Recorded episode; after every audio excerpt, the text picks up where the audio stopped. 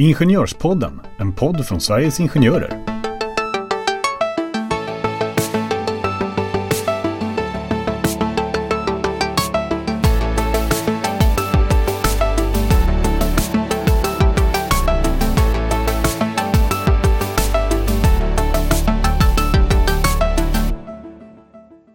Förra året så spelade vi in ett avsnitt om semester eh, och som vi säkert sa då så eh, sa vi säkert att ja, men eh, semester finns det väldigt mycket att prata om. Och, det säger vi om allt i och för sig. Vi gör ja. ju det, jag vet. Men, men det är ju så. Men Rickard, semester det har vi, kommer vi kanske få i år igen om vi är kvar.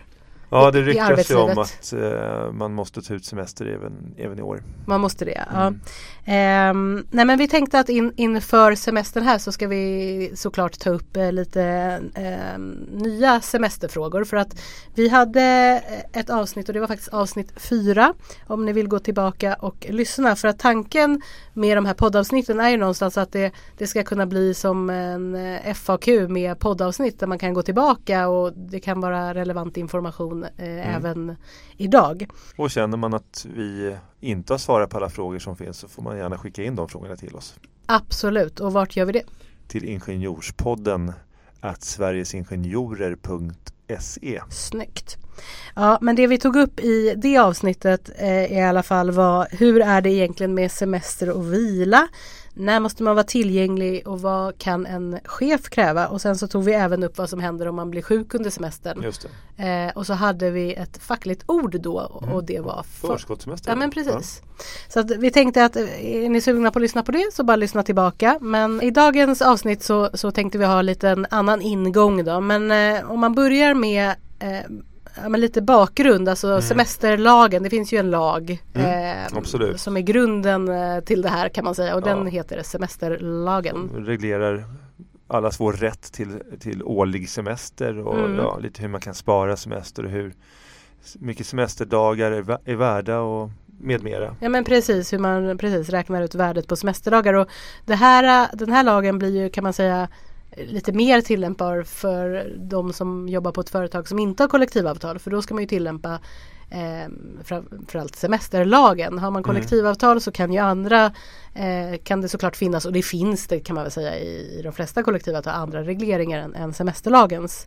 Semesterlagen är ju kanske vi var inne på sist också. Det är ju en lagstiftning som många andra som är semidispositiv. Mm. Alltså vissa delar i den här lagstiftningen, vissa paragrafer är dispositiva. Mm. Vilket innebär att man då kan till exempel i kollektivavtal eh, komma överens om andra regler.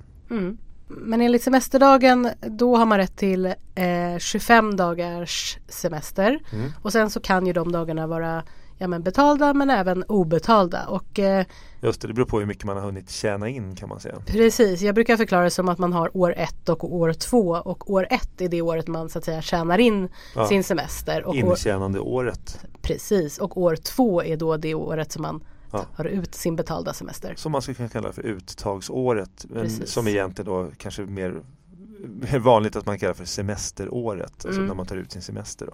För det är lite så här, vi, vi får ganska mycket semesterfrågor och det är klart mm. att det kan ju vara lite tekniskt eh, alltså knepigt ibland när man ska räkna på semester och så vidare. Oh ja. eh, men eh, som sagt, ni har ju rådgivningen, ni kan ringa in med vissa semesterfrågor men många semesterfrågor går ju att lösa om man tittar i i kollektivavtalet till exempel. Just det, och kanske kolla med Akademikerföreningen om det finns en sån. Mm. Ja, men snart står vi i stundande semestertider och inför semestern så är det ju viktigt att faktiskt ja, men framförallt ansöka om semester i tid.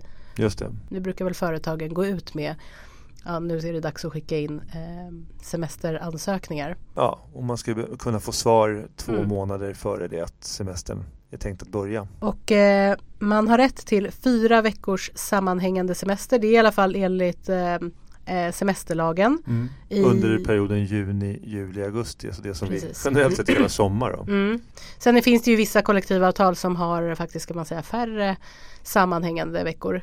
Tre veckor förekommer och det kan finnas Eh, säkert vissa avtal också kan jag tänka mig där man inte får kanske under just, alltså om man har sin sommarverksamhet, alltså sommarverksamhet under de här månaderna. Alltså att man... Ja, man kan ju säga så här också att det finns ju återkommande krav från mm. arbetsgivarsidan på i, på de avtalsområden där man inte har infört de här reglerna som du nu pratar mm. om. Där man gärna skulle se att man har kortare eh, huvudsemester, alltså den Mm. här sammanhängande sommarsemestern. Och att den då skulle kunna läggas ut under ett, en längre tidsperiod. Men vad säger, Alltså ramarna skulle kunna gå till typ från maj. maj till september.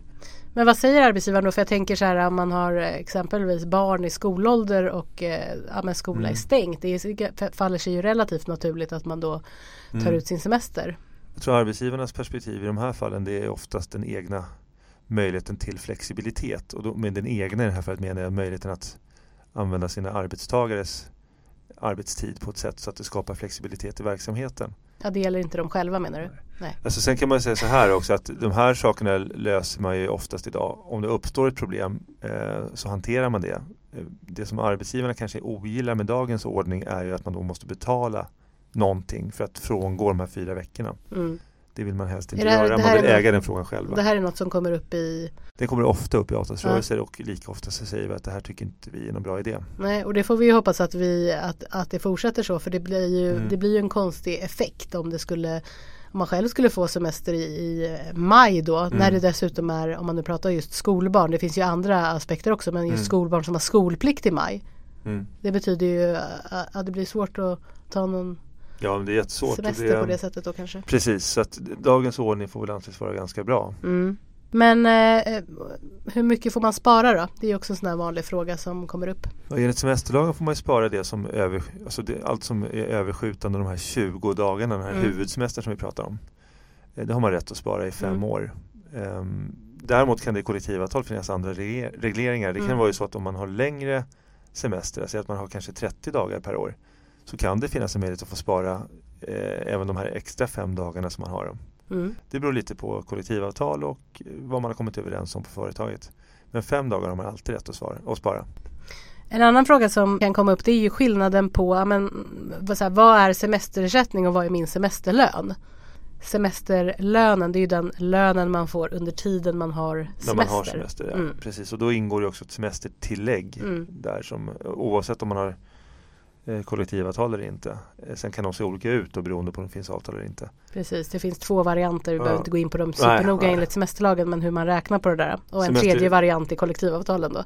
Ja precis, precis. Semesterersättningen det är ju snarare den ersättning som du får för den icke uttagna semestern. Den som du har tjänat in men inte tagit ut Mm.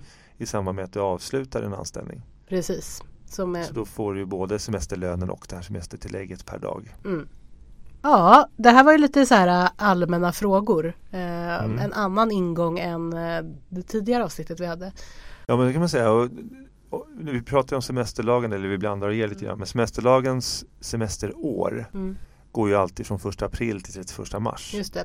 Och det är då det här blir aktuellt med att man tjänar in under det första året. Mm. Och det, det pratade vi om sist att det, det är då det under det första året kan bli aktuellt med förskottssemester. För då, då har man inte hunnit tjäna in någonting. Man har Precis. fortfarande rätt att ta ut semester. Du sa ju det i inledningen att det kan vara betalt eller obetalt. Mm. Så rätten till semester finns ju kvar.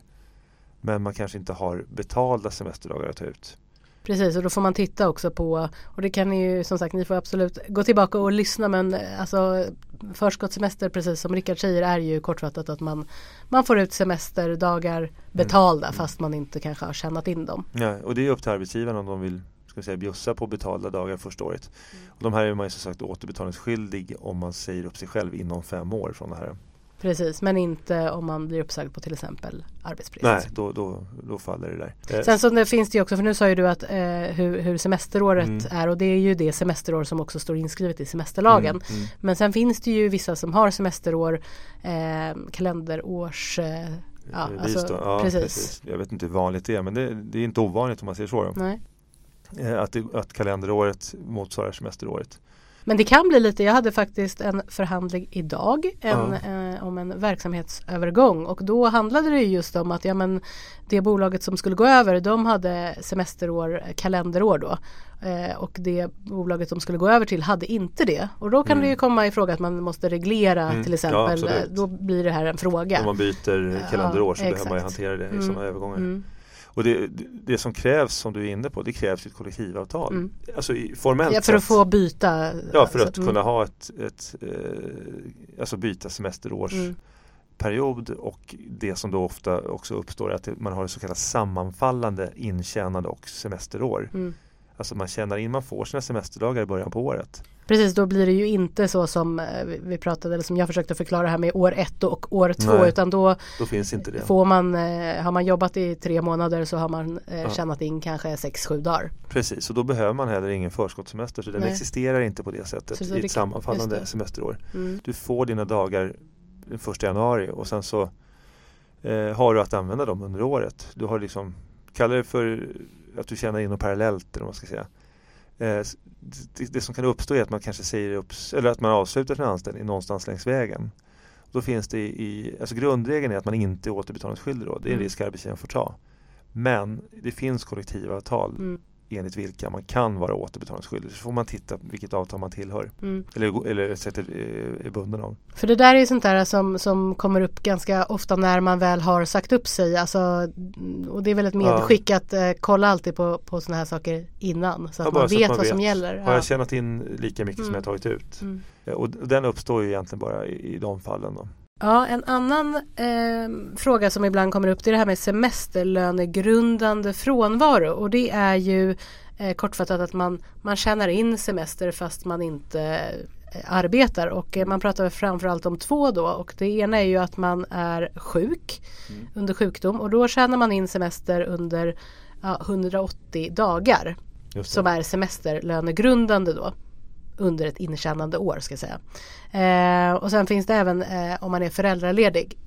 Eh, då är det 120 dagar som är semesterlönegrundande. Så att de första till exempel då 120 dagarna när man är föräldraledig så tjänar man in sin semester. Och det där eh, kan ju vara ganska bra att veta. Man kan också vara då till exempel 180 dagar sjuk och sen 120. De går ju att kombinera. Ja, just det. Mm. Inte för att det är en bra kombo men ja, så. Eh, men det som kan vara det är till exempel om, om det kommer upp en situation där man blir uppsagd. Till exempel när man är föräldraledig. Eh, så gäller ju inte om man blir uppsagd på arbetsbrist då. Då börjar ju uppsägningstiden löpa när man eh, så att säga ska kom, är tänkt att komma tillbaka från föräldraledigheten. Eh, och ibland kan ju arbetsgivare tänka sig också att alltså man får ju göra en uppsägning om båda parter är med på det. Mm. Eh, så kan man ju göra det tidigare såklart men det finns ju en poäng i att låta det här rulla med tanke på att man tjänar in semesterdagar. Ja, det är bra. Bra tips. Mm. En grej som kanske kan vara bra att känna till men som man får hoppas att våra lyssnare aldrig behöver använda sig av. Det är ju egentligen att veta vad som gäller om man skulle eh, vara av uppfattningen att ens arbetsgivare inte har betalat ut Mm. eh, den semesterersättning till exempel som man har rätt till. Det där kan ju uppstå i situationer när man slutar till exempel. Ja, Eh, ja. Att man tittar tillbaka. Man kanske inte är överens om hur stor semesterskulden är Nej. eller så. så att, eh, då är det viktigt om man nu skulle ja, vilja bestrida arbetsgivarens det man uppfattar vara felaktiga beräkningar av semester och, och kanske till och med yrka skadestånd. Då har man två år på sig från utgången av det semesterår eh, när man då skulle ha fått den här förmånen som begäran gäll- gäller. Så att Mm. Från det att man har tjänat in det här kan man Mm. säga. Och sen två år från det att man sen skulle ha fått ta ut det. Det Mm. kanske har blivit rörigt där men alltså man har ju ett intjänande år Ja. och förmånen får man ju sen ut liksom året Mm. efter under semesteråret. Så två år efter det sen. Men medskicket och liksom lite skräckscenario är väl att man Mm. eh, avslutar sin anställning och så tror man att man har massa antingen sparade dagar eller, eller att det är någonting annat då eh, tokigt och så är det massa år tillbaka. Ja. Och då är ju det liksom preskriberat. Och det är, Den här tvåårsregeln kan ju vara bra Mm. att komma ihåg. Mm. Ja men Rickard, alltså, det känns ju i vanlig ordning som vi, vi skulle säkert kunna fortsätta och eh, gå igenom många fler av de här allmänna frågorna och inför semestern. Men det här var väl ganska generellt men ändå Mm. rätt så bra, bra start Bra att in- ha lite i bakhuvudet i Mm. alla fall. inför semestern. Mm. Och som sagt, eh, vi påminner er igen att, skicka gärna in frågor så att vi får specifika frågor. Det tar vi jättegärna upp. Eh, och då är det, eh, har ni fått mejladressen? Den kan Kan få den igen. Säkert utan till höll jag på att säga. Ja, Ingenjorspodden snabel sverigesingenjorer.se ja, mycket bra. Ja, men eh, nu ska jag gå och drömma om eh, min semester Ja, lite grann här, tänker jag. jag ska gå och äska semester. Ja. Ja, men eh, ni får eh, lycka till nu inför semestern allihopa och sen så hörs vi nästa gång. Hej då. Hej hej!